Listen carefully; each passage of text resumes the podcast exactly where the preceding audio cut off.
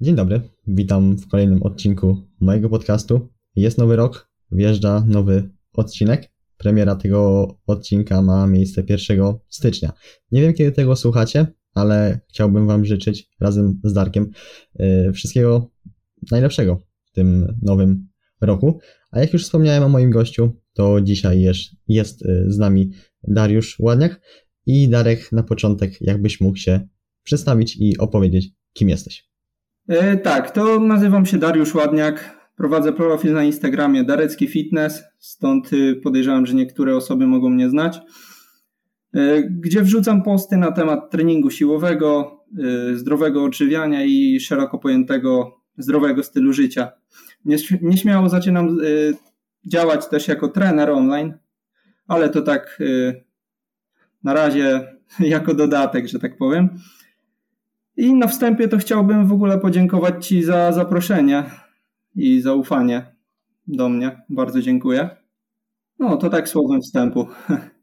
Nie, akurat właśnie jak yy, wymienialiśmy się czasem wiadomościami na Instagramie, to właśnie e, biła od Ciebie taka pozytywna aura i mówię, no nie, no z Tobą na pewno muszę gdzieś tutaj yy, porozmawiać, to na pewno nagrać podcast, no i też dowiedzieć się mm, trochę o Tobie.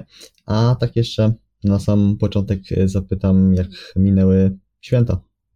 No dobrze, nie ograniczałem się, że tak powiem. E, jadłem to, na co miałem ochotę. E, była lekka przerwa od treningu. Aczkolwiek wczoraj już e, trenowałem, co też mogłeś zauważyć nawet na Instagramie. No ale ogólnie odpoczy odpoczynek był.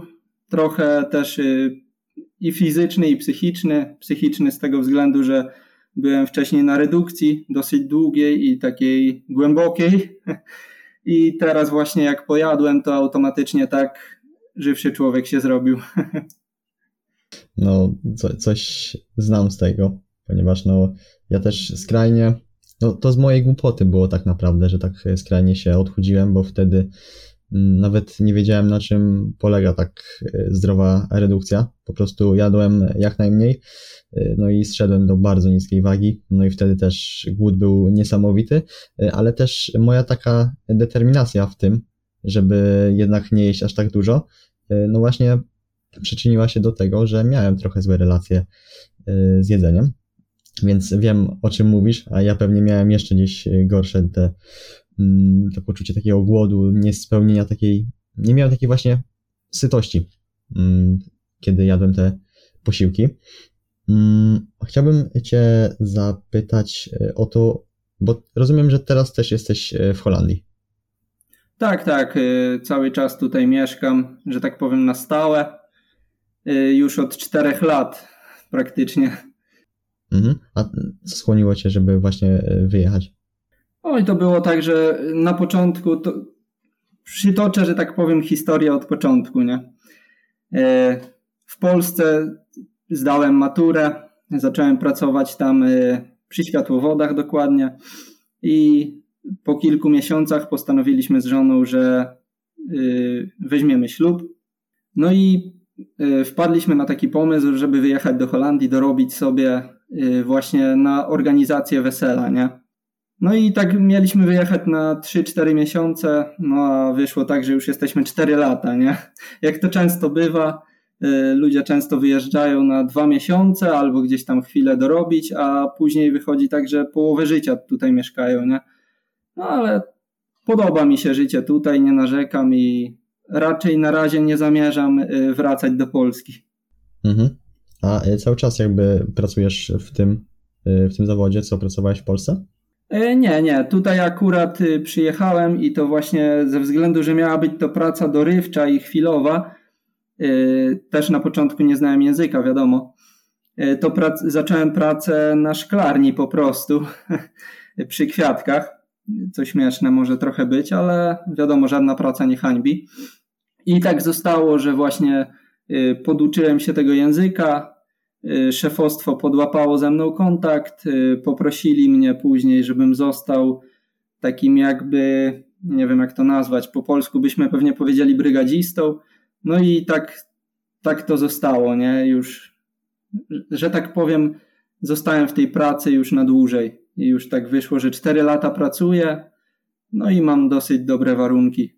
Wspomniałeś o języku i mnie to w sumie interesuje trochę, bo głównym językiem takim urzędowym jest y, niderlandzki, tak? E, tak, tak, niderlandzki. E, tutaj dużo osób też y, komunikuje się po angielsku.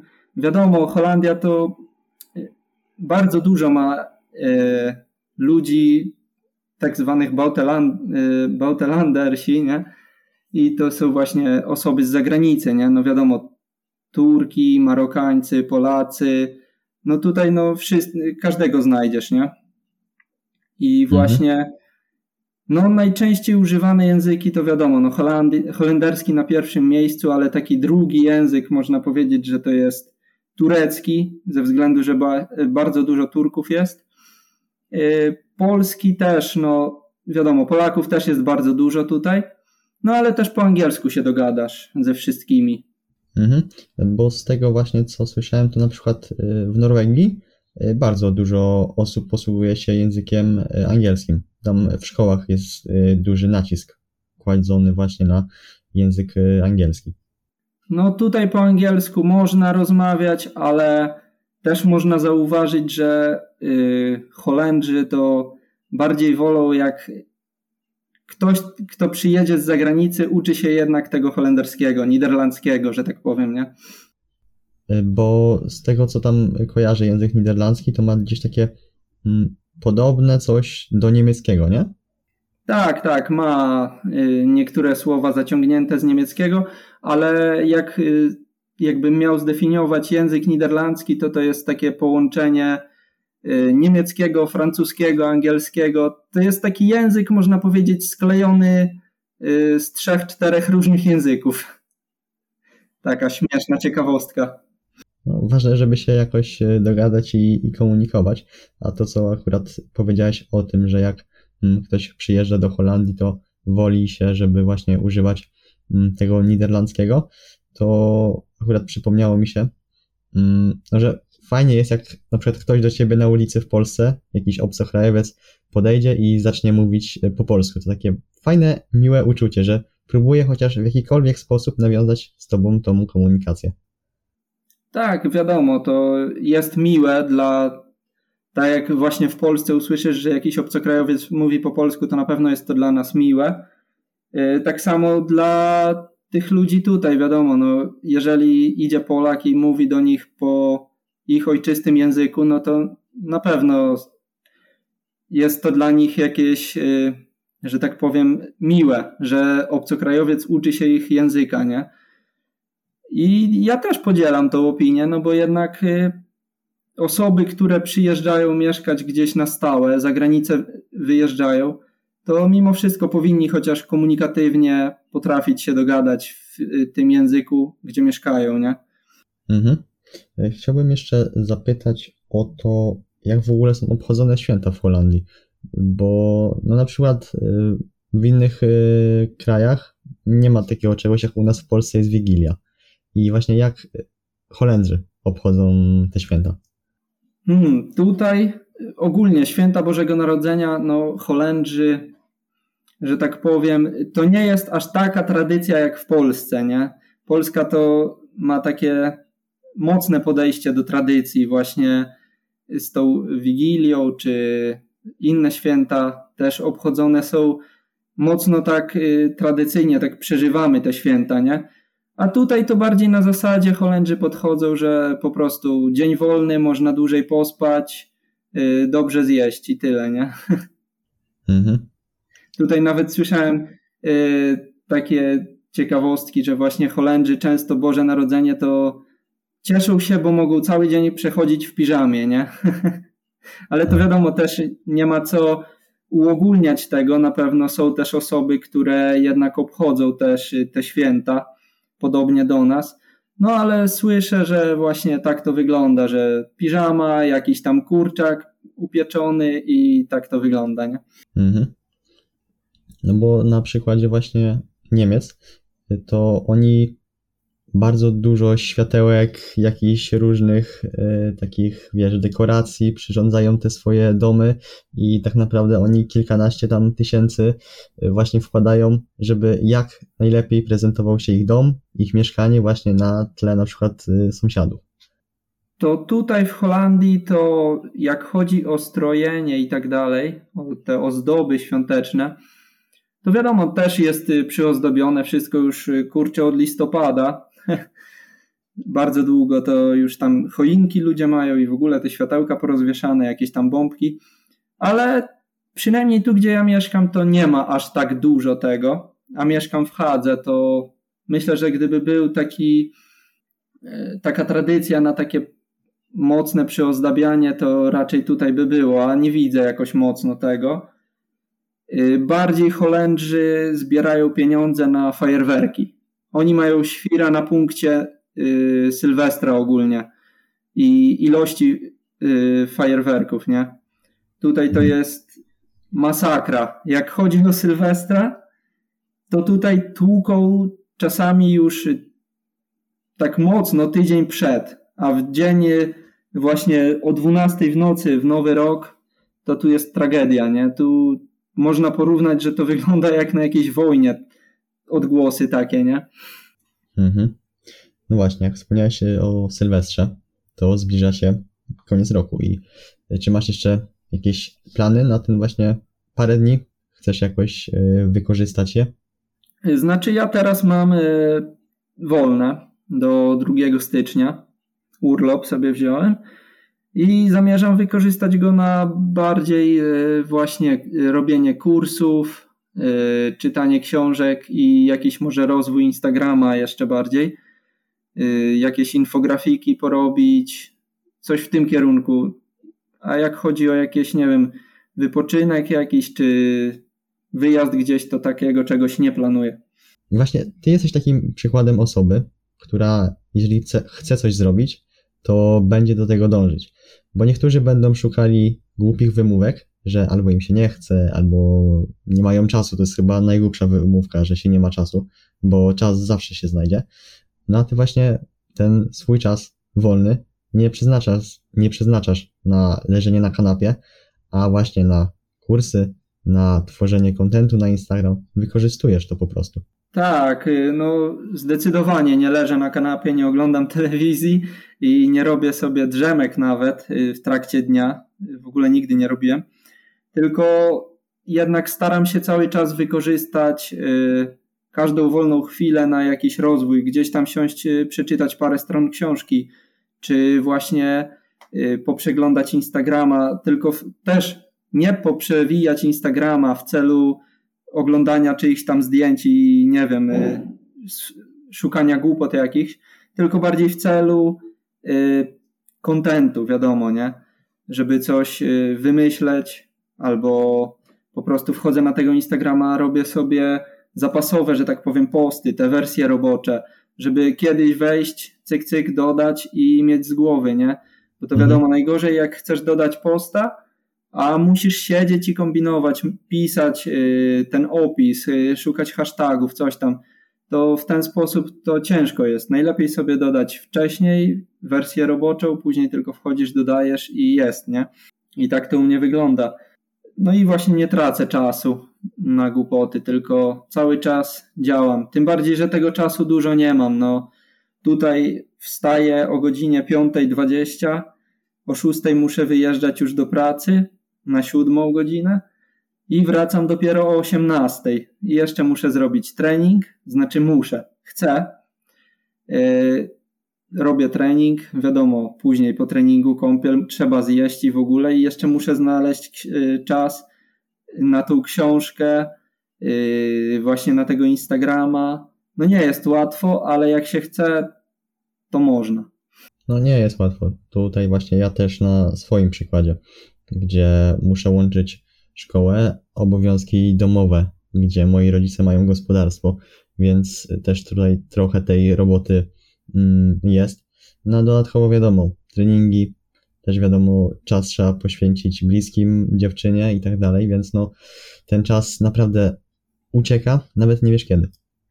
Tak, a ja jeszcze właśnie przy okazji tego podcastu, to już właśnie się, że tak powiem, u ciebie na podcaście pierwszy raz ta informacja wyjdzie y, na takie jakby światło publiczne, że yy, będę miał syna już niedługo i no, tego czasu na pewno nie będzie więcej, tylko mniej. I, ale ta informacja jest dla mnie dodatkową motywacją. Działam jeszcze, jeszcze więcej, planuję każdy dzień, każdą dosłownie minutę sobie rozplanowuję, co na co ma być wykorzystane, żeby nie tracić tego czasu. No to jest najważniejsze, nie? No to ja tutaj tylko mogę pogratulować. Już wiadomo, jakie będzie imię? E, tak, tak. E, to będzie Aleksy. I no, bardzo się cieszę, że akurat y, pierwszy będzie syn. Będę miał, że tak powiem, podopiecznego. No tak, ale właśnie to, co wspomniałeś o takiej mm, motywacji, to ja już nawet sam zauważyłem po tym, jak y, właśnie mm, znalazłem dziewczynę. W takim sensie, że wiesz, masz jakby mm, dla kogo powiedzmy poświęcać trochę więcej właśnie. A ty jak mówisz to na przykładzie właśnie syna, to ja tylko mogę pomyśleć, jaka to jest jeszcze większa motywacja właśnie do, do działania. Tak, właśnie ta motywacja jest bardzo duża. Sam bym się nie spodziewał, gdyby mi ktoś kiedyś powiedział, że y, będę miał syna i będę chciał robić jeszcze więcej, że tak powiem, to by mnie to zdziwiło, szczerze powiedziawszy. A mam coś takiego, że właśnie ja mam jeszcze więcej planów na siebie, na swój rozwój, na jakieś tam y, pomysły związane z tym Instagramem czy TikTokiem. Y, nawet myślałem poniekąd, żeby jeszcze wystartować z YouTube'em w przyszłości. Także planów jest bardzo dużo. Y, gorzej trochę z realizacją, ale na wszystko myślę, że znajdzie się czas. Mhm.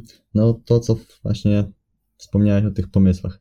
Ja też w głowie mam czasem po prostu burzę, bo tych pomysłów jest tak dużo, nie wiesz za, za co się zabrać i robię tylko tyle, ile mogę, tak żeby też nie zwariować, bo ja w pewnym momencie złapałem się na tym, że robię za dużo, bo prowadziłem dwa profile na Instagramie, mm, wrzucałem podcast y, na przemian właśnie z filmem na YouTube. Do tego publikowałem treści na grupę na Facebooku i tego było naprawdę ogrom i ja w pewnym momencie się zreflektowałem, że ja na dłuższą metę nie jestem w stanie tego pogodzić, dlatego zrezygnowałem z nagrywania filmów na YouTube, skupienia się tylko na podcastach i tworzenia właśnie jak najlepszych podcastów. Zrezygnowałem mm, z grupy na Facebooku, chociaż będę chciał chyba do niej wrócić, żeby właśnie publikować takie e, dłuższe treści. Chociaż też mi przeszła przez myśl strona internetowa, żeby tam prowadzić trochę takiego e, bloga, no ale to też wiadomo, mm, trochę trzeba nad tym posiedzieć. A jednak e, prowadzenie Instagrama mm, w mojej ocenie jest proste. W sensie wrzucasz post, gdzieś tam masz jakąś interakcję, bliższą, dalszą z jakimś widzem, ale to jest proste. Zrobić post, zależy też jeszcze jaki, o, bo to też zależy wszystko od postu, ale no, to jest w mojej ocenie proste i gdzieś ja na przestrzeni tych, no już ponad dwóch lat tak naprawdę, dla mnie prowadzenie dwóch kont na Instagramie nie jest już jakimś takim, wiesz, wyzwaniem. Dlatego muszę trochę wyjść poza tą strefę komfortu i jakby, no, dodać jeszcze jakąś e, właśnie, nie wiem, czy to Facebook, czy to właśnie strona internetowa, e, żeby cały czas się rozwijać. Tak, i, i to bardzo dobry pomysł, że tak powiem. E, jeżeli uważasz, że masz czas i chcesz go wykorzystać, to po prostu to zrób. Bo najgorzej jest coś planować, że ten, że tak powiem, czas ucieka, a się tylko nie wiadomo po co przekłada coś w czasie, nie? Także ja jestem zdania, że jeżeli jest pomysł i jest y, czas, to trzeba to od razu wprowadzać w życie. Mhm. Okej, okay. trochę sobie porozmawialiśmy o tym, jak mieszkasz, jak e, żyjesz w Holandii. Mm, a chciałbym Cię w sumie zapytać, jak to zaczęło się z tą siłownią, z tym treningiem siłowym. Czy nie wiem, akurat jakiś kolega Ci o tym powiedział, czy po prostu obejrzałeś jakiś film na YouTubie? Jak to się u Ciebie zaczęło? No, to tutaj mogę teraz y, powiedzieć historię, tylko teraz Ci jeszcze wtrącę, bo widzę, że świeci się u Ciebie żółta kropka i nie wiem, czy tam wszystko będzie ok. E, ja Cię słyszę, wiesz? Aha, słyszysz wszystko i jest git. No to dobrze. Ale ja mam akurat zieloną, no to ciekawe. Aha, no to dobrze. To jedziemy dalej.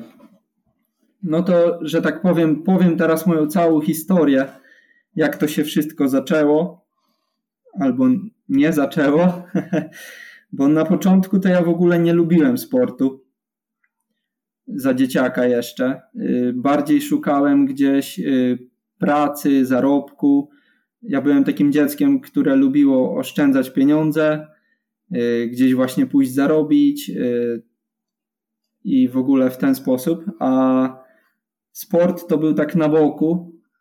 Tak samo w szkole na WF-ie to mnie albo nauczycielka nie widziała, albo siedziałem na parapecie, bo uważałem, że piłka, granie w piłkę jest głupie tak, może być to śmieszne, ale ja akurat tak uważałem.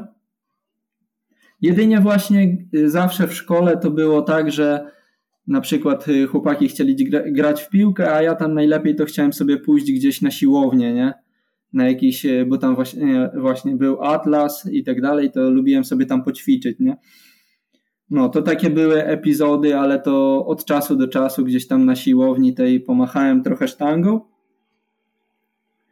E, później to wiadomo, e, szkoła, tam się skupiłem na nauce i tak dalej, to w ogóle tego sportu nie było. E,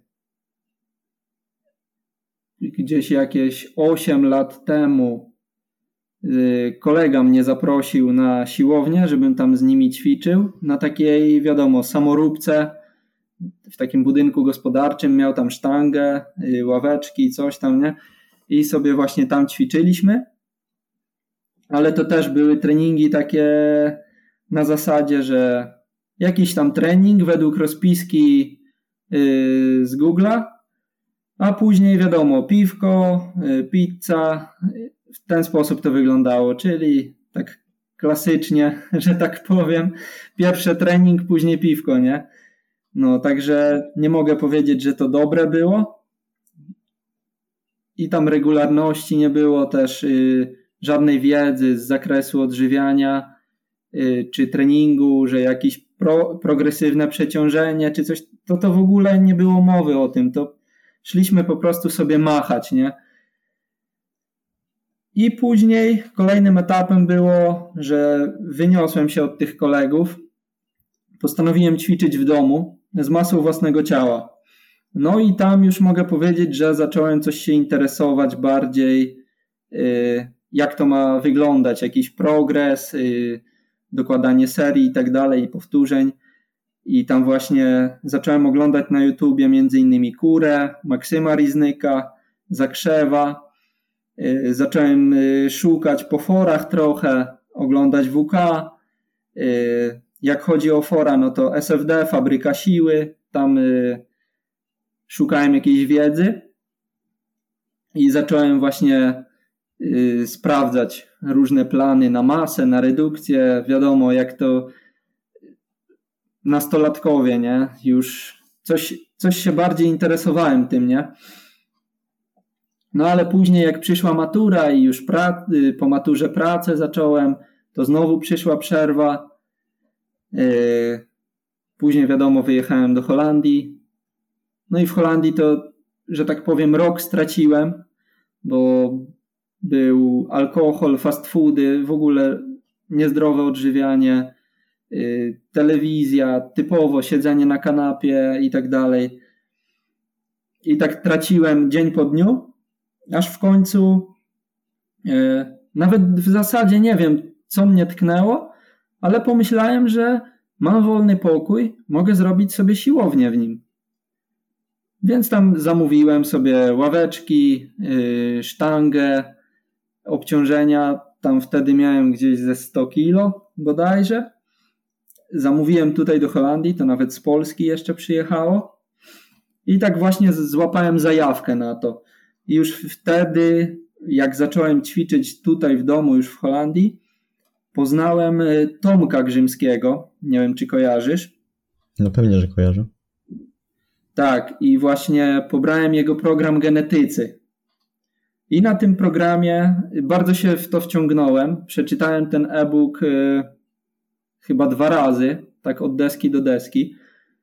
Y, zacząłem wprowadzać to w życie.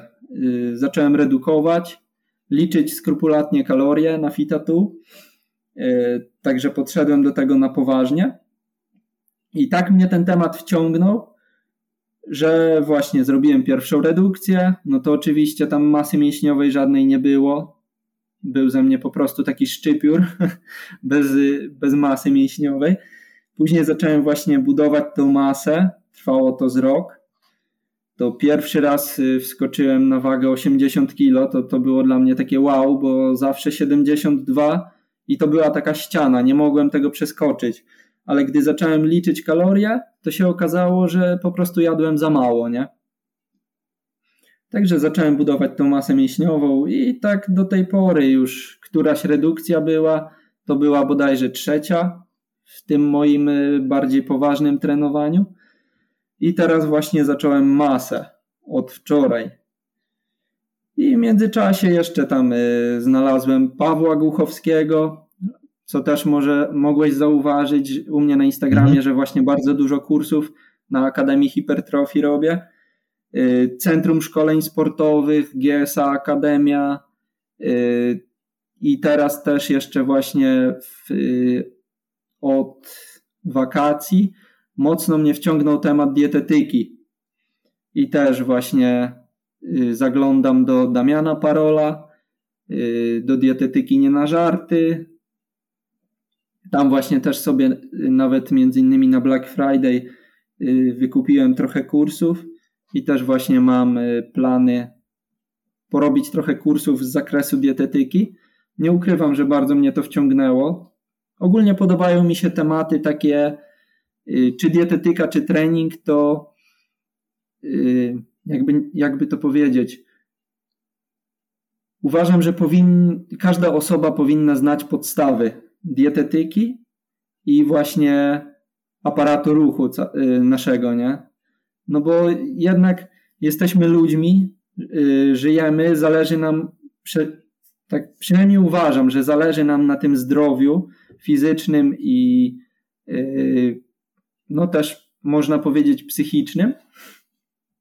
I powinniśmy właśnie korzystać yy, z tej wiedzy, którą możemy znaleźć w internecie, bo nie oszukujmy się, nie musimy yy, wydawać nawet pieniędzy na kursy czy książki, tylko wystarczy nawet ta wiedza, która jest w internecie. Teraz są takie dobre właśnie czasy, że wchodzisz w internet i masz wszystko. Jest tyle blogów, nawet wejdziesz na tą dietetykę nie na żarty, masz bloga, wejdziesz do Damiana Parola, masz bloga, yy, wchodzisz na Akademię Hipertrofii, możesz się dowiedzieć też z zakresu dietetyki i treningu. Także wystarczy tylko znaleźć dobre źródło wiedzy, nie tam jakiegoś bolka, który pisze yy, głupoty gdzieś tam, tylko wejść na, do zaufanych osób, nie? Jest też Gains Desire, Mikołaj Żegliński, który też bardzo dużo dodaje informacji na temat treningu, yy, też tam częściowo odżywiania. Także no jest tego bardzo dużo. Uważam, że jednak wszyscy powinni się mniej więcej trochę interesować tym. No i tutaj ja się tylko mogę pod tym podpisać, bo jednak jedzenie towarzyszy nam codziennie. Ruch, nawet minimalny, ale jednak towarzyszy nam codziennie. Nawet ta głupia ilość kroków w ciągu dnia już wpływa na nasze zdrowie, na nasze samopoczucie również. Także to właśnie co przed chwilą powiedziałeś, tutaj muszę się w pełni zgodzić, że każdy chociaż te podstawy powinien znać i też powinien ogarniać. Bo te podstawy to jest 80% tego, co możemy z tego wszystkiego, z tej całej wiedzy, która jest dostępna na całym świecie, dla nas zrobić. Tak, dokładnie. A jak chodzi o jedzenie, no to y, wiadomo, też y, się tym interesujesz, y, także też wiesz, że od jedzenia zależy to, jaką mamy odporność. Praktycznie jak możemy złapać jakąś chorobę, wiele chorób jest dietozależnych. No nie oszukujmy się, także ta dieta jest bardzo ważna u człowieka. Też dużo osób tak na marginesie myśli, że Y, dieta to odchudzanie i temu podobne, a dieta to po prostu styl odżywiania, nie? Także pierwsza sprawa taka. Mhm. No, na diecie jest tak naprawdę każdy, bo właśnie to, co powiedziałeś, że y, dieta, jak wpiszecie sobie w Wikipedię, to właśnie tam jest y, styl styl żywienia chyba, coś, no coś takiego. No więc tak naprawdę każdy jest na diecie, nawet y, osoba, która na, na niedzielny obiad je ziemniaki z schabowym i buraczkami, też jest na jakiejś diecie, bo to też jest jakiś styl żywienia. Gorszy, lepszy, ale po prostu jest.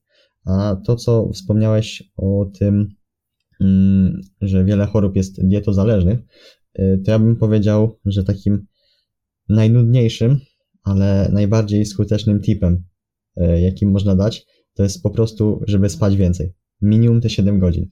I naprawdę jakość naszego życia, ale też co przekłada się na zdrowie, bardzo się poprawi. Tak, to y, sen to jest kolejną sprawą poza dietą i treningiem. Y, to sen właśnie jest bardzo ważny, wręcz kluczowy. No ale też właśnie y, powinna być, być świadomość przynajmniej tego, co się je, bo dużo osób właśnie nie zdaje sobie sprawy, jaki wpływ na nasz organizm mają na przykład tłuszcze nasycone, czy te tłuszcze trans. Y, no już nie będę się w to zagłębiał, bo wiadomo, nie jest to podcast y, typowo, nie wiem, dietetyczny. Też ja tam nie jestem dietetykiem, ale coś y, wiem na ten temat. I właśnie dużo osób nie ma tej świadomości, co wkłada do ust, że tak powiem, bo często jest to po prostu, nieładnie mówiąc, syf. Nie? I później jest y, zdziwienie, dlaczego jest taka choroba czy inna, a przecież nie wiem, problemy krążeniowe, y, nadciśnienie, te wszystkie y, miażdżyca, y, to wszystko jest ze złej diety też między innymi, nie? No bo nie można mówić, że w 100%, nie? E, wiesz, co ci e, powiem? Mm, zauważyłem taką jedną rzecz. E, chodzi mi tutaj o to, że ludzie tak przyzwyczaili, przyzwyczaili się do tego śmieciowego jedzenia, bo sam przyznasz, że po takim śmieciowym jedzeniu, no przynajmniej ja tak mam, no czuję się jak gówno. No, jesz gówno, czujesz się jak gówno. No logiczne, tak? Tylko ludzie już tak przywykli do tego czucia się jak gówno, że oni myślą, że czują się dobrze. A tak naprawdę czują się jak gówno. A jakby zaczęli jeść przynajmniej choć odrobinę lepiej te odżywcze produkty, to od razu, uwierz mi, lepiej by się też poczuli. Tak, to jest prawda i na przykład y, ty, czy ja, czy każdy tam y, właśnie, każda osoba, co uprawia jakiś sport i się zdrowo odżywia, to właśnie szybko to odczuje. To właśnie czucie się jak gówno, jak to ty mówisz, bo też mam coś takiego, że na przykład jestem w tym swoim rytmie treningowo, yy, że tak powiem, dietetycznym, czyli się zdrowo odżywiam, jestem w treningu cały czas, że tak powiem. I na przykład przychodzi jakiś y, weekend, czy jakaś, y, nie wiem, wyjście do znajomych, i na przykład wpada jakaś pizza, kebab czy coś takiego, to na drugi dzień czuć spadek siły, yy, większe takie zmęczenie, niechęć taka nawet do tego treningu i ogólnie już yy, całkiem to samopoczucie jest takie no do dupy. I to właśnie osoby trenujące i zdrowo odżywiające się mogą to odczuć właśnie najprędzej, bo taka osoba, co właśnie je cały czas syf, to tego nie poczuje. Ona myśli, że tak ma być. Ale właśnie warto nawet spróbować e, zdrowo się odżywiać, wyrobić sobie te zdrowe nawyki żywieniowe i ogólnie popracować trochę nad zdrowymi nawykami, żeby zasmakować tego zdrowego życia i dobrego samopoczucia, bo to naprawdę jest ważne. Mhm. No i skupić się właśnie przede wszystkim na podstawach, czyli sen, minimum te 7 godzin, jakaś aktywność, chociażby te 7-8 tysięcy kroków w ciągu dnia, to już będzie spoko liczba na, na sam początek. Potem oczywiście można zwiększać, ale myślę, że te 7-8 tysięcy, no warto dążyć do tych 10, ale te 7-8, uwierzcie mi, będzie wystarczające, jak każdy przejdzie się na ten godzinny spacer, bo jeżeli ktoś nie ma czasu, przynajmniej na te pół godziny, godzinę dziennie, znaleźć na jakąś aktywność, no to może być ciężko. Naprawdę. Ale też jeśli chodzi o takie wybory żywieniowe, to też nie od razu rzucać się na głęboką wodę, ale po prostu nawet dodać sobie głupie owoce i warzywa, bo zauważ to, że ludzie na co dzień tego nie jedzą. Tak, to prawda. No, nie jedzą to po pierwsze, a po drugie, gdy już y, zaczynają jakieś właśnie zdrowe odżywianie, to jest automatycznie odrzucanie wszystkiego. Dobra, to ja słodyczy nie jem, y, napojów y, słodzonych nie piję, jem same sałatki, kurcze, warzywka, owoce i wszystko fit, zdrowo, a tak też się nie da, bo po dwóch tygodniach taka osoba przychodzi weekend załóżmy i ona się rzuca jeszcze ze zdwojoną siłą na te słodycze, na fast foody i to na pewno nie jest dobre wyjście. Właśnie trzeba stopniowo. Ja byłbym nawet y, takiego zdania, że wprowadzać to powoli, nawykowo, czyli na przykład y, nawet skłoniłbym się, że miesiąc właśnie wprowadzać sobie owoce, warzywa, kolejny miesiąc dodać jakiś etap y, wyłączenia czegoś z diety, czegoś niezdrowego, czyli na przykład dobra, to owoce i warzywa mam teraz już w, swojej, w swoim nawyku, to teraz wyrzucam na przykład fast foody. I tak step by step, ale powoli. Nie rzucać się od razu na głęboką wodę, tak jak ty to mówisz, bo to nie wyjdzie. No ja myślę, że jest yy, na 90% taki plan nie wyjdzie, rzucania się na głęboką wodę. No chyba, że jest przykładem mnie, który nagle zmieni swoje życie o 180 stopni i z osoby, która y, jadła chipsy, popijała to kolą, y, nagle zamieni to na owsianki, ograniczenie w ogóle słodyczy i tak dalej. No w moim przypadku się to akurat sprawdziło, ale też no, nie wspominam tego dobrze, no bo właśnie gdzieś mm, zamieniło się to y, w takie złe relacje z tym, z tym jedzeniem. Dzisiaj jest już y, w miarę, w miarę git, w sensie w miarę git. No mam już po prostu takie luźne podejście do tego jedzenia. Oczywiście bazuję na tych pełnowartościowych, ale jeżeli wpadnie jakaś czekolada, pizza, czy jakieś mniej zdrowe jedzenie, to oczywiście mm, nie lecę na trening, nie lecę biegać, żeby to, to spalić. Tak, to u mnie tak samo to wygląda, że właśnie są te produkty typu chipsy, czekolada, jakiś cukierek czy coś, wlatuje. To też nie wygląda tak, że same zdrowe rzeczy i, i nic już takiego, że tak powiem, rekreacyjnego nie wpada, bo to wiadomo, trzeba też pilnować się tej zasady, znaczy pilnować, korzystać z tej zasady 80 do 20, nie? Czyli 80 zdrowo, 20 bardziej jakiegoś tam, y, że tak powiem, syfu, nie? Bo też tak w 100% y, idealnie zdrowo, no myślę, że można tak żyć, ale czy warto? Myślę, że trzeba sobie pozwolić mimo wszystko na czasem jakieś odstępstwa, nie? Bo dla psychiki nawet, nie? Tym bardziej, jeżeli osoba właśnie zmienia swoje nawyki żywieniowe z jakichś właśnie syfów na zdrowe odżywianie, to myślę, że to 80 do 20 to będzie najlepszym wyjściem, a nie tak na 100%. Mhm. No też po coś są te produkty, tak? Po coś one, po coś one powstały.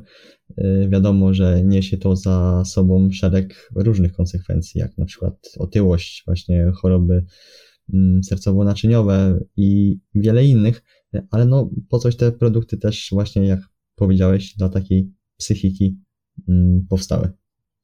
Uważam, że najgorsze jest, jeżeli człowiek zaczyna się na przykład nagradzać czymś, że miałem na przykład dobry dzień, czy tam załóżmy ty byś powiedział, yy, że udał ci się podcast, jest dużo wyświetleń, to się muszę nagrodzić i zjem na przykład czekoladę. No, wydaje mi się, że to właśnie takie, tego typu zabiegi prowadzą do yy, problemów yy, z tego typu z odżywianiem, nie? Do złych yy, tych relacji Mhm. Ja w ogóle tak e, wspomniałem o tej e, otyłości. Tak, e, ja ogólnie nie mam nic przeciwko temu ruchowi body positive i tak dalej. Ale czasem zauważam taką tendencję, że ludzie chyba zbyt mocno się tym usprawiedliwiają. Że jest jakiś ruch, że trzeba pozytywnie podchodzić do swojego ciała, akceptować go, a tak naprawdę nie robią nic, żeby to, to zmienić a są bardzo otyli, nie dbają o siebie, jedzą co chcą, jedzą ten, ten syf i to jest trochę usprawiedliwianie się właśnie na siłę. Nie wiem, czy też masz takie wrażenie. Tak, to jest dosyć e, częste zjawisko, że właśnie osoby często szukają wymówek, jakiegoś właśnie usprawiedliwiania się, że tak źle nie jest, a na przykład, nie wiem, tam sąsiadka jest grubsza ode mnie i, i jest szczęśliwa, czy coś tego typu, nie? No to to jest głupie usprawiedliwianie się, yy, bo patrzymy tylko na siebie i walczymy o swoje zdrowie, że tak powiem. No to no podpisuję się pod tym, co właśnie powiedziałeś. No powin, powinien być ten ruch i zdrowy styl życia, a nie właśnie jedzenie syfu i usprawiedliwianie się czymś tam, bo to jest głupie po prostu. Mhm. Słuchaj, jak jesteśmy już e, przy, przy temacie, mm, to chciałbym zapytać Cię, jakie błędy dietetyczne i treningowe Ty popełniłeś na przestrzeni tych e, kilku lat? Jak chodzi o błędy dietetyczne, to co ja mogę powiedzieć? Na początku to robiłem wszystko, co najgorsze,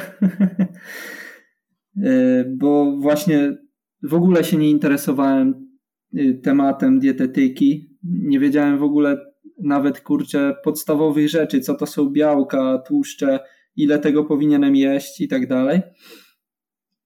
Także wpadało po prostu na co miałem ochotę i czasami było wręcz tak, że nie wiem, Mój y, dzień jedzenia wyglądał tak, że zjadłem tam załóżmy jakieś frytki, nawet bez żadnego mięsa, bez niczego.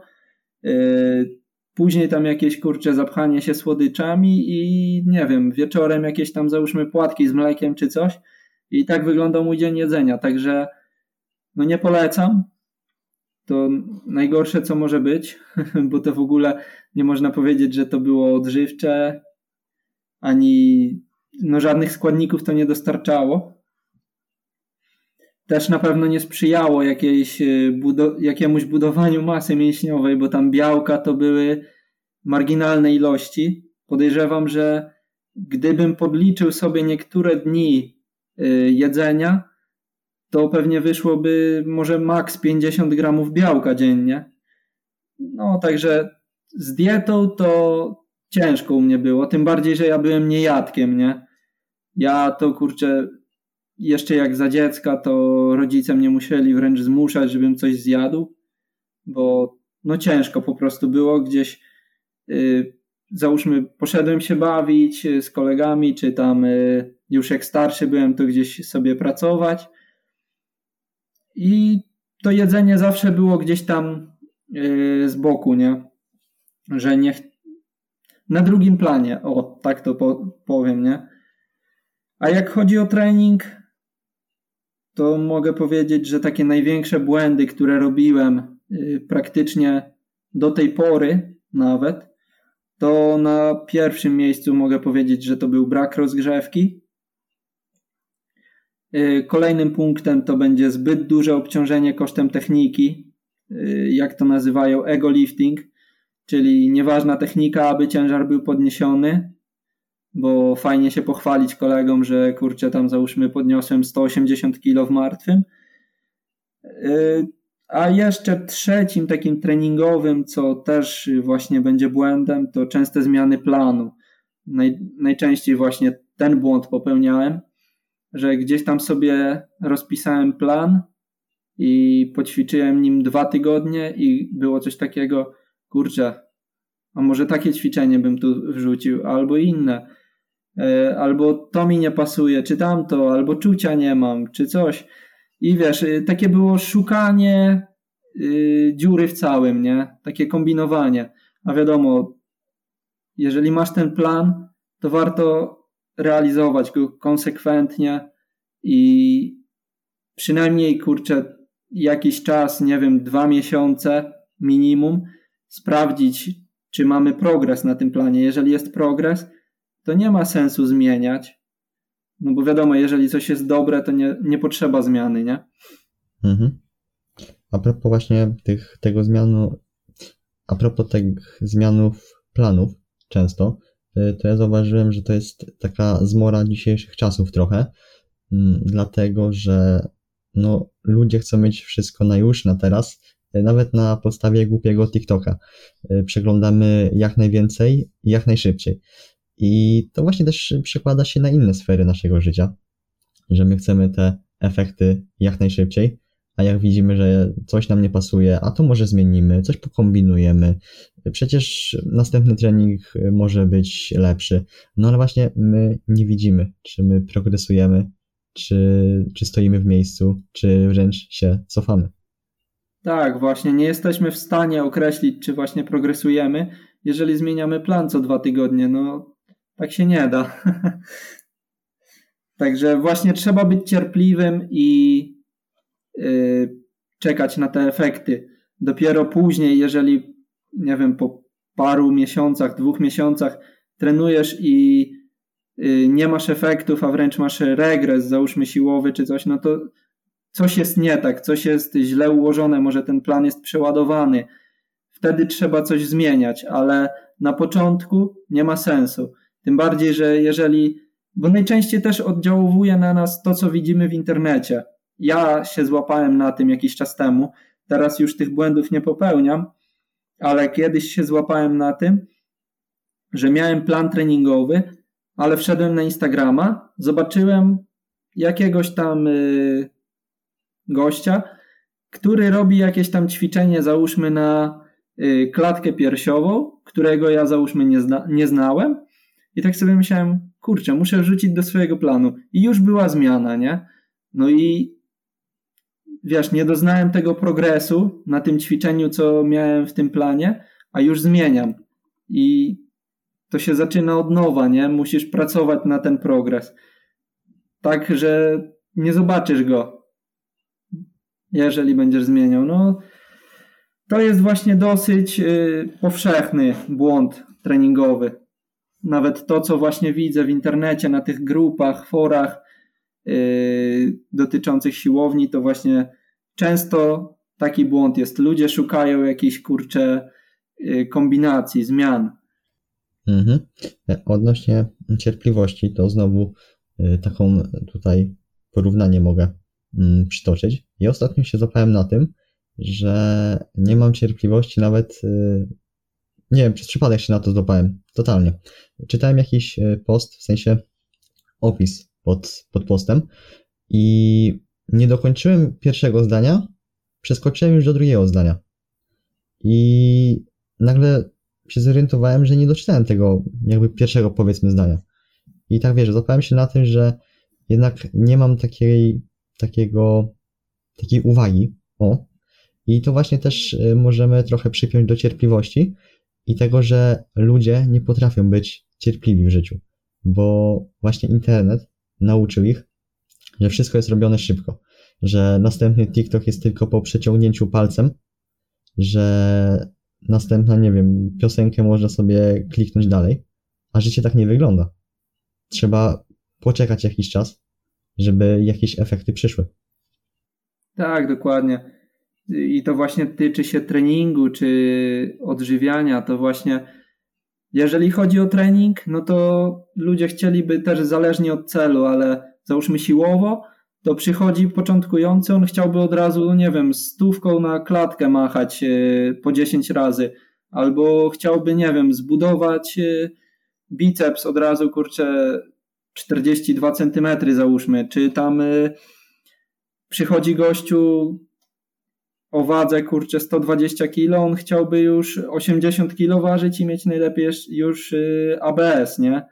Kratę na brzuchu nie ma właśnie tej cierpliwości i ludzie sobie nie zdają sprawy z tego, że jeżeli, yy, że tak powiem w cudzysłowie, pracowali na te 120 kilo przykładowo wagi, to się odkładał ten tłuszcz kilka lat, to oni nie zrobią w tydzień kraty na brzuchu.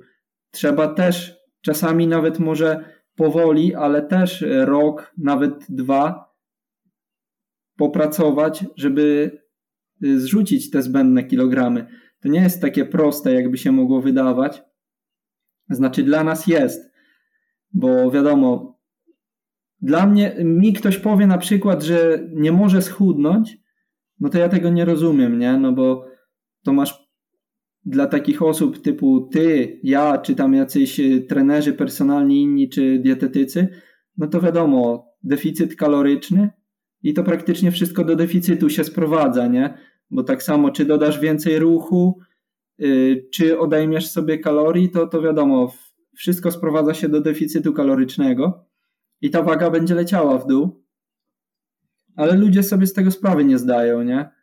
I właśnie szukają jakiegoś, y, nie wiem, przycisku, że kurczę, wciśnie i mu ta nagle magicznie waga ucieknie, nie? No tak to nie wygląda niestety.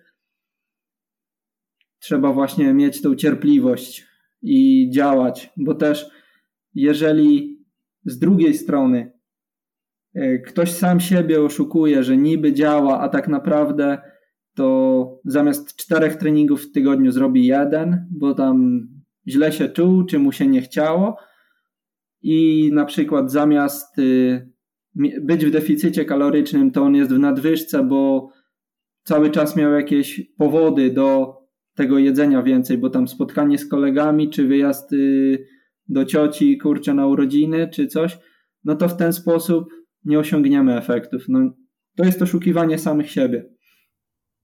Mhm.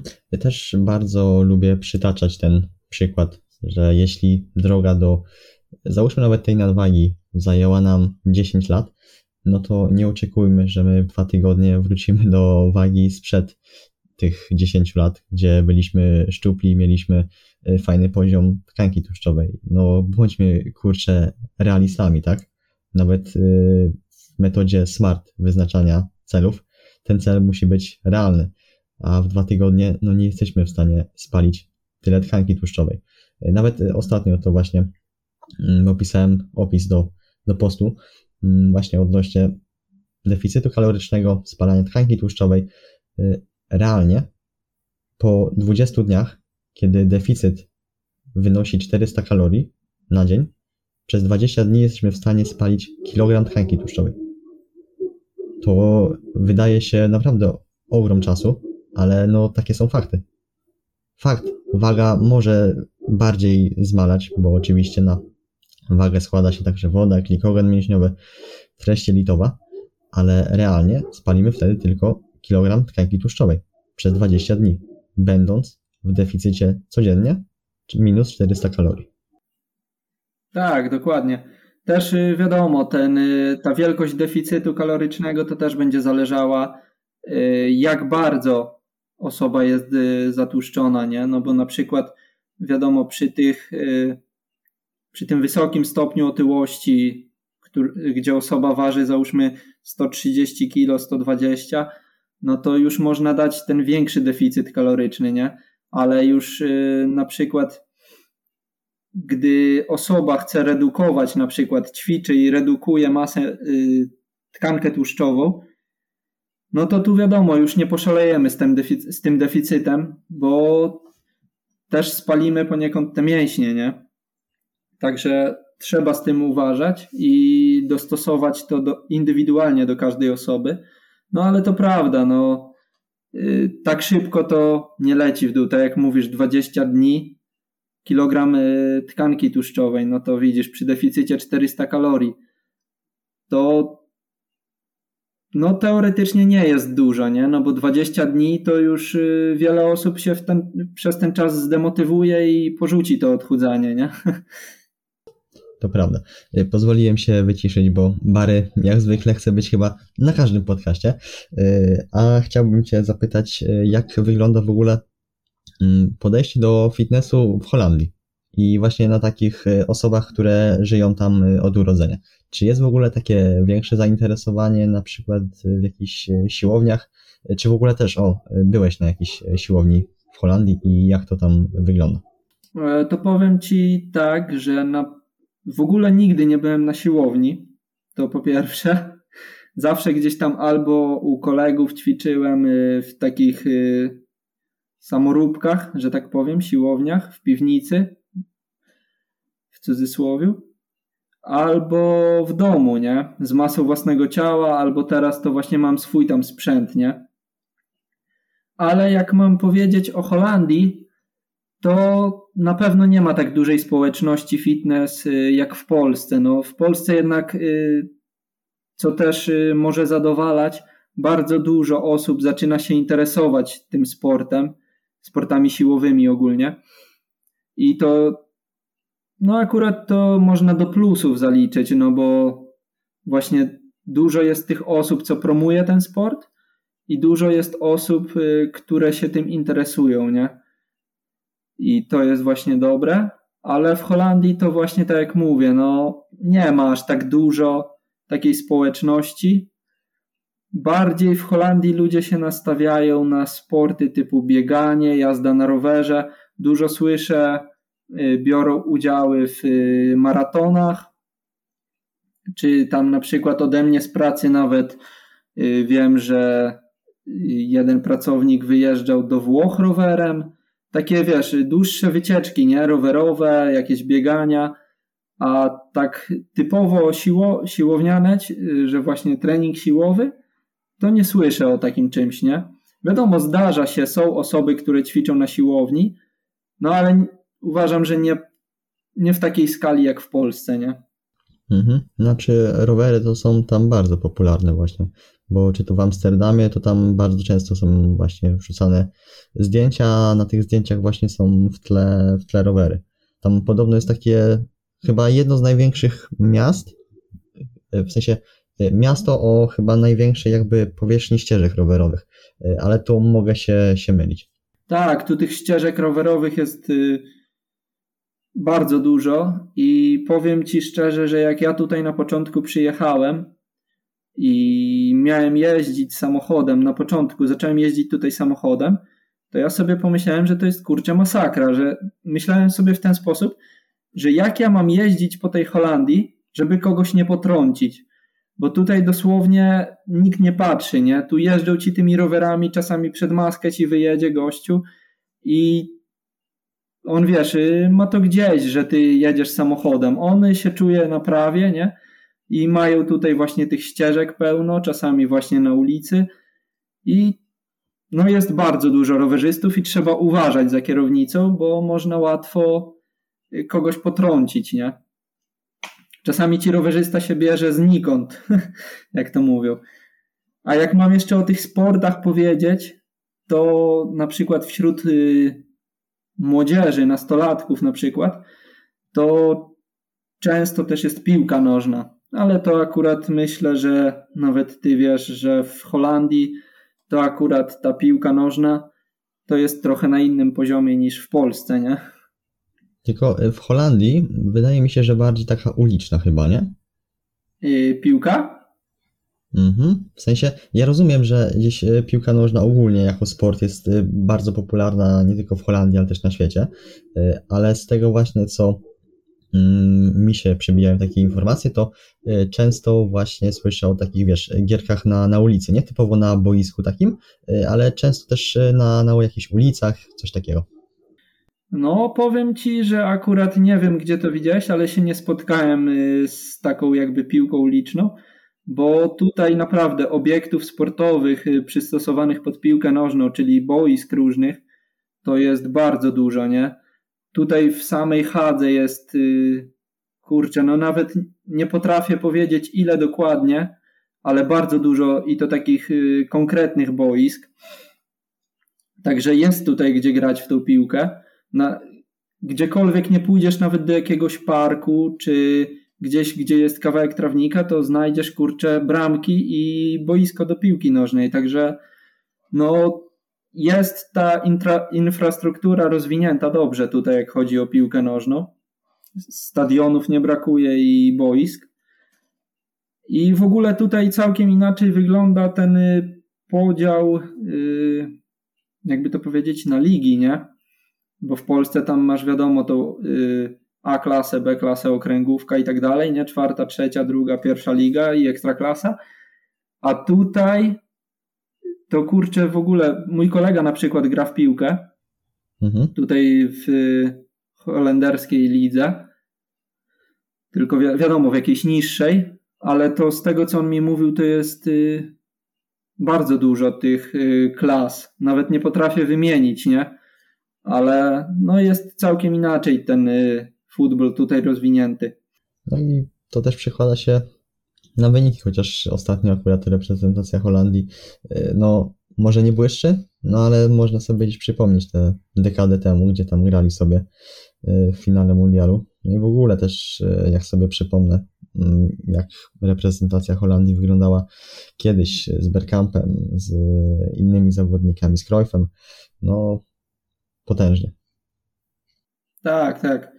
A właśnie, że tak y, trochę odejdę na bok od tematu fitness, to co powiesz y, na temat mundialu, bo też właśnie można powiedzieć dopiero się skończył. I jakie masz zdanie na ten temat? mógłbym tutaj się rozpowiadać, bo ja akurat gdzieś, mimo wszystko, że siedzę w świecie fitnessu, odżywiania, treningu, to cały czas ta piłka nożna jest mi bardzo bliska i zawsze lubię też się o niej mm, wypowiadać. Y, tym bardziej, że tam cały czas wiesz, coś się jednak dzieje, musisz być z tym na bieżąco, tak? Y, na przykład na przykładzie jakichś badań naukowych związanych z treningiem, no to możesz sobie przeczytać, nie wiem, je tydzień, dwa tygodnie później, nawet miesiąc później, nie? Nic się takiego wielkiego nie stanie. Nie wiem, nie odkryją czegoś na nowo. Ale jeśli chodzi o piłkę, no to musisz gdzieś być z tym na bieżąco.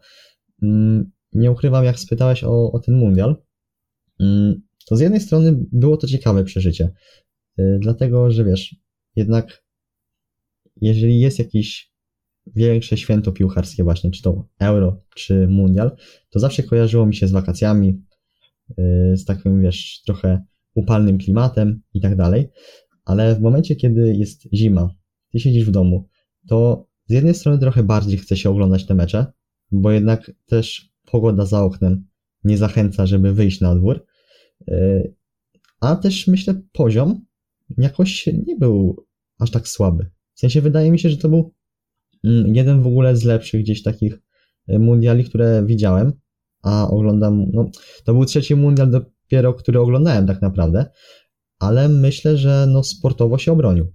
Nie wiadomo jak to się przełoży na późniejsze etapy gdzieś rozgrywek, czy ci piłkarze będą zmęczeni już i tak dalej, ale myślę, że poziom był naprawdę ok. Tak, poziom był naprawdę dobry. W ogóle wiele osób mówi, że to był jed, jeden z lepszych mundiali w historii. I był taki, e, jakby to powiedzieć, mm, dużo niespodzianek było. Mhm. Nawet ta reprezentacja Maroka stworzyła dużą niespodziankę, że doszła tak daleko. I tutaj w ogóle też Maro, Marokańców jest bardzo dużo w Holandii i w ogóle co tutaj się działo, jak oni wygrywali te mecze, to no cała noc, trąbienie, fajerwerki i tak dalej, no niespokojnie było, nie, że tak powiem.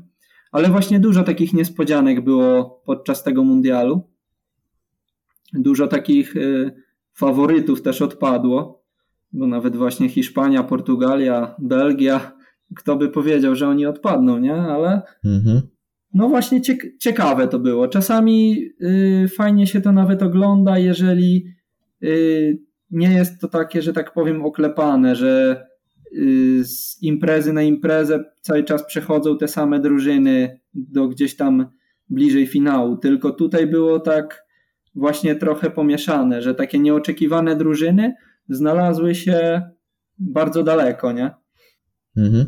I właśnie z jednej strony to jest plus, że następny mundial jeszcze ba będzie bardziej rozbudowany, bo tam będzie chyba 48 drużyn, y, z tego co, co kojarzę, więc będzie jeszcze więcej właśnie takich, powiedziałbym, y, typu, typu nie wiem, Kostaryka, która no, y, okej, okay, wygrała, z kim ona wygrała? Z Japonią chyba, tak? Bodajże. Mm, ale no, właśnie, tak.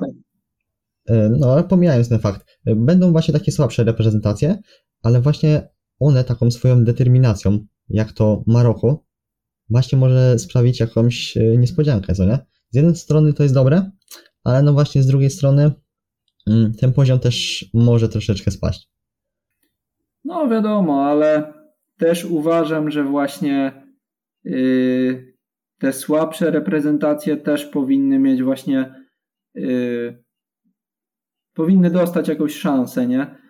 I tak samo często nawet yy, z kolegą y, mamy takie rozmyślania na temat Ligi Mistrzów i mój kolega właśnie się często denerwuje, że właśnie Liga Mistrzów, a nie grają w niej sami mistrzowie, nie? No i to jest takie trochę niesprawiedliwe, że na przykład gdzieś tam z ligi angielskiej, czy z niemieckiej, y, czy z hiszpańskiej przechodzi tyle drużyn, a w Polsce na przykład y, mistrz Polski nie, nie ma zapewnionego tego grania w tej fazie mhm. grupowej, nie? to to według mnie też, y, też jest takie trochę niesprawiedliwe, no bo jednak Liga Mistrzów, no to powinni mistrzowie grać, nie? Tam nieważne dokąd by doszli, ale żeby mieli tę szansę, nie? No ale to wiadomo, wszędzie to też rządzi kasa, nie? No kiedyś to właśnie tak wyglądało, że dany mistrz danego kraju właśnie reprezentował mm, ten kraj w Pucharze Zdobywców Pucharów, chyba to tak się y, dokładnie nazywało. Y, no i właśnie to było takie wyróżnienie do tych takich słabszych, powiedziałbym, państw, ale też słabszych klubów, no żeby się jednak na tej arenie międzynarodowej y, zaprezentować. No teraz niestety to trochę inaczej wygląda. Widzisz, nawet przez te kwalifikacje to trzeba tam przejść bodajże te cztery rundy co jestem zdania, że nawet y, niektóre y, drużyny z czołowych lig europejskich by potrafiły się potknąć gdzieś. A co mówić już nie wiem o takich y, drużynach z Polski czy tam z innych krajów, nie? Gdzie tam ten futbol jednak nie ma takiego wysokiego poziomu. Mnie na przykład w ogóle zastanawia, czy, bo jak masz na przykład mm, umiejscowienie danych lig, bo tam jest naj, jakaś tam punktacja się zbiera bodajże. I mnie na przykład interesuje, czy w pewnym momencie na przykład ona zresetuje się do zera. Wątpię, bo o tym się nie mówi, ale na przykład właśnie gdyby doszło do takiego resetu tych punktów, myślę, że wtedy też rywalizacja byłaby dużo większa. O te gdzieś właśnie kwalifikacje na przykład do tej Ligi Mistrzów. No, kto wie, tylko właśnie raczej takiego resetu nie doczekamy. No szkoda, bo właśnie byłoby, by to moim zdaniem było interesujące. No na pewno by to było ciekawe. Gdyby się tak wszystko zaczęło od nowa. No tylko tutaj wiadomo, takie ligi typu hiszpańska czy niemiecka, angielska, to by sobie na takie coś nie pozwoliły raczej, nie? Tam zaraz by był protest no. jakiś i nie daliby sobie z tych punktów zresetować. Pewnie, pewnie masz tutaj rację. Hmm, chciałbym Cię jeszcze tak e, zapytać, tak już w sumie zbliżając też się do końca tego podcastu, chociaż e, świetnie nam się rozmawia, ale są lekkie problemy z internetem, więc też e, nie będziemy na siłę przedłużać. Zapytam Cię o to, co byś robił, gdybyś nie poszedł trenować siłowo, czy mm, miałbyś takie, wiesz, w cudzysłowie normalne życie, czyli praca, dom i inne obowiązki, czy jednak może zająłbym się, zająłbyś się właśnie czymś y, dodatkowym? E, to jeżeli chodziłoby o że tak powiem, rozwój Instagrama na przykład, to myślę, że podjąłbym się tematów y, finansów, oszczędzania, rozwoju osobistego, coś w tym kierunku, bo nie ukrywam, że też mnie to interesuje. Nawet właśnie poza książkami treningowymi i tam o odżywianiu, to właśnie y, też lubię poczytać sobie książki jakieś o oszczędzaniu, o właśnie rozwoju osobistym, o jakichś, no właśnie, w sumie to samo powiem, samorozwój, nie? To ten temat mnie interesuje. A jak chodzi o sport, to zawsze tak mówiłem, że pewnie gdyby nie siłownia, to bym się zabrał za bieganie, nie? Tak y, najbliżej gdzieś tego bym się stawiał, nie? Właśnie biegania. Bo tak innych sportów, na przykład z piłką, nie wiem, czy jakaś siatkówka, czy piłka nożna, czy koszykówka, to tam się nie widzę, nie? No, ewentualnie treningi z masą własnego ciała, jak, jakaś właśnie kalistenika, no ale to też y, można podciągnąć pod taki odłam treningu siłowego, nie? No to jak, jakby chodziło o coś innego, to właśnie jakieś bieganie na przykład, nie? Najważniejsze, żeby ta aktywność sprawiała nam dużo frajdy i u mnie też właśnie zaczęło się to mm, od biegania, no i dzisiaj sobie czasem pobiegam, ale głównie właśnie jest to jakiś trening siłowy. Czasem na UF-ie pogra się w jakąś siatkówkę, czy, czy w piłkę nożną, czy, czy w kosza. E, także ja nie zamykam się tylko na to, e, bo lubię pograć sobie właśnie, czy to w piłkę, czy to w kosza, czy w ping-ponga, porobić coś innego, być po prostu w tym ruchu. Aha. No ja na przykład to jestem strasznie zafiksowany w tym treningu siłowym, nie? I tam też y, bo na przykład no raczej osoby, co mnie widzą na Instagramie, o tym jeszcze nie wiedzą, ale mam y, dosyć dużą wadę wzroku. I kiedyś pamiętam jedna, to akurat doktorka rodzinna mi powiedziała, że y, tam mam właśnie dużą wadę wzroku i że muszę zrezygnować ze sportów siłowych, że tam nic nie mogę dźwigać czy coś. A u mnie taka myśl w głowie była, a czy ty jesteś y, kobietą tą, jak to się mówi, okulistką, że będziesz mi mówiła, że ja nie mogę dźwigać czy coś. Wiesz, tak w głowie sobie pomyślałem, nie? I mhm. rozbawiło mnie to wręcz. I pamiętam, poszedłem wtedy do okulisty i się go zapytałem, czy przy dużej wadzie wzroku muszę przestać yy, trenować, nie? Na siłowni.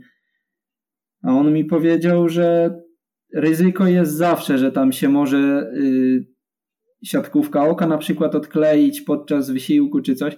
I mówił to nie tylko przy wadzie wzroku, to się może zawsze zdarzyć. I wtedy mnie tak właśnie jeszcze dodatkowo uskrzydlił, bo nie zabronił mi, że tak powiem, i nie wypowiedział się jakoś negatywnie na temat y, siłowni. Tylko to bardziej na zasadzie takiej, że jeżeli chcę, to mogę robić, nie? Ale pamiętam, jakiś czas temu rozmawiałem z żoną nawet i tak y, wiadomo, czasami się zdarzy w życiu, że człowiek ma dołek jakiś emocjonalny. I pamiętam tak y, sobie myślałem właśnie o tej wadzie wzroku, bo mam bardzo dużo, no to już jest ponad y, minus 4, także no konkretnie. I pamiętam tak rozmawiałem z nią i powiedziałem wtedy, że co to będzie, jak na przykład bym faktycznie stracił wzrok przez siłownię, nie? I mówiłem, kurczę, no nie wiem co to robić, czy mam przerwać to, przestać ćwiczyć, ale powiedziałem, nie wyobrażam sobie tego. I doszedłem do wniosku takiego i ostatecznie powiedziałem, że jeżeli stracę ten wzrok, to jest w ogóle śmieszne yy, zarazem, bo ja jej powiedziałem, że jeżeli stracę wzrok, to żeby mi przynajmniej położyła w przyszłości ręce na sztangę, nie? tak, to w ten sposób mogę pokazać, yy, jak bardzo lubię ten sport, nie? No ale wiadomo, to też jest y, zwykła wada wzroku, nie mam tam jakiejś, y, bo to wiadomo, są różne choroby, tam jaskra, zaćma czy coś. Ja mam po prostu y, krótkowzroczność i myślę sobie w ogóle zrobić kiedyś operację laserową na to, tylko to też trzeba znaleźć odpowiednio dużo czasu, bo po tej operacji bodajże tam dwa miesiące chyba muszę zrezygnować z, z w ogóle z jakiejkolwiek aktywności. Dobra, bo są problemy z internetem związane, także przechodząc do końca mm, naszej rozmowy, chociaż tak jak mówię, świetnie się rozmawia i mam nadzieję, że jeszcze kiedyś mm, uda nam się zgadać na jakąś drugą część. Mm, powiedz tak na koniec, z czym chciałbyś zostawić słuchaczy? Jakaś myśl, przesłanie, cytat, cokolwiek. No to mógłbym dać y, w zasadzie kilka rad takich y, do osób, które to słuchają, żeby właśnie po pierwsze inwestować w siebie, w naukę, w książki, w kursy właśnie, żeby się rozwijać. Wszyscy wiemy, że inwestowanie w siebie to najlepsza inwestycja. Każda wiedza, czasami człowiek myśli, że coś nam się nie przyda, a prędzej czy później może wyjść taka sytuacja, że to, co się uczyliśmy, yy, gdzieś możemy wykorzystać. Także to nigdy nie idzie na marne. I robić to, co się lubi. Nie robić czegoś na siłę, tylko właśnie to, co się lubi. I ostatnio nawet nie wiem, czy taki cytat już gdzieś był w internecie, czy nie, ale tak pamiętam, napisałem komuś komentarz pod zdjęciem i tak sobie pomyślałem, że właśnie przy okazji fajny tekst wymyśliłem, bo napisałem coś tego typu, że radość z procesu to najlepsza droga do sukcesu, nie? I nie wiem, czy gdzieś to widziałeś w internecie, czy nie, ale to mi tak przyszło do głowy samo z siebie i myślę, że to dobrze pokazuje, co trzeba robić w życiu, że właśnie musi być ta radość z działania, żeby osiągnąć cel. Bo jeżeli nie ma tej radości, no to ciężko będzie. Jakby to powiedział owca, musisz mieć z tego fan. Dokładnie. Dobra, to już na samo zakończenie. Powiedz ludziom, gdzie można Cię spotkać w internecie i też kogo chciałbyś może usłyszeć tutaj na podcaście, z kim też mógłbym porozmawiać. No to gdzie mnie można spotkać? Na Instagramie Darecki Fitness i na TikToku. Tam też y, w zasadzie gdzieś od miesiąca zacząłem dodawać filmiki. Y, również Darecki Fitness. Na TikToku zamierzam dodawać więcej treści w przyszłości, więcej różnych ćwiczeń, tipów, Y, dotyczących siłowni i odżywiania, także myślę, że będzie ciekawie. I kogo chciałbym zobaczyć? No, na podcaście usłyszeć. Tak, to właśnie u mnie y, byłoby to kilka osób, takich, y, nad którymi mógłbyś pomyśleć. Śmiało. Między innymi Tomek Grzymski. Myślę, że dosyć ciekawa osoba, którą wiele Y, ludzi chciałoby usłyszeć u Ciebie na podcaście. Poza Tomkiem to byłby to Michał Radomski. Nie wiem, czy kojarzysz, ale też y, podoba mi się jego rozwój właśnie na Instagramie i on tam też jest właśnie trenerem y, online. I ostatnio też polubiłem materiały Piotra Hajduka. Nie wiem, czy kojarzysz. Mhm. To właśnie tych trzech panów mógłbym usłyszeć u ciebie na podcaście i nie ukrywam, że byłbym bardzo ciekawy, co by mieli do powiedzenia. Jasne. To jeśli tylko oczywiście mm, czas pozwoli, to będę się z chłopakami kontaktować. Ja Ci chciałbym na sam koniec jeszcze raz podziękować i też przeprosić za te problemy wywołane moim internetem, bo prawie spędziliśmy tutaj dwie godziny na, na, na nagrywkach. Nie wiem, ile z tego jeszcze będzie y, materiału, ale naprawdę jeszcze raz chciałbym Ci serdecznie podziękować. No i ja również dziękuję za, jeszcze raz dziękuję za zaproszenie, że do, mogłem powiedzieć coś o sobie. Zawsze to fajne i ciekawe przeżycie uczestniczyć w takim podcaście. No i co? Wystarczy, zostało mi życi, życzyć Tobie yy, udanego Sylwestra i szczęśliwego Nowego Roku, jak i reszcie, yy, jak i wszystkim słuchaczom, którzy tego słuchają. Również życzę szczęśliwego Nowego Roku i yy, samych sukcesów. Ja dziękuję za, za życzenia i Tobie też samego wygrywania w kolejnym roku. Oczywiście wszystkie linki do Darka znajdziecie w opisie tego materiału, a my słyszymy się już za dwa tygodnie. Cześć. Na razie.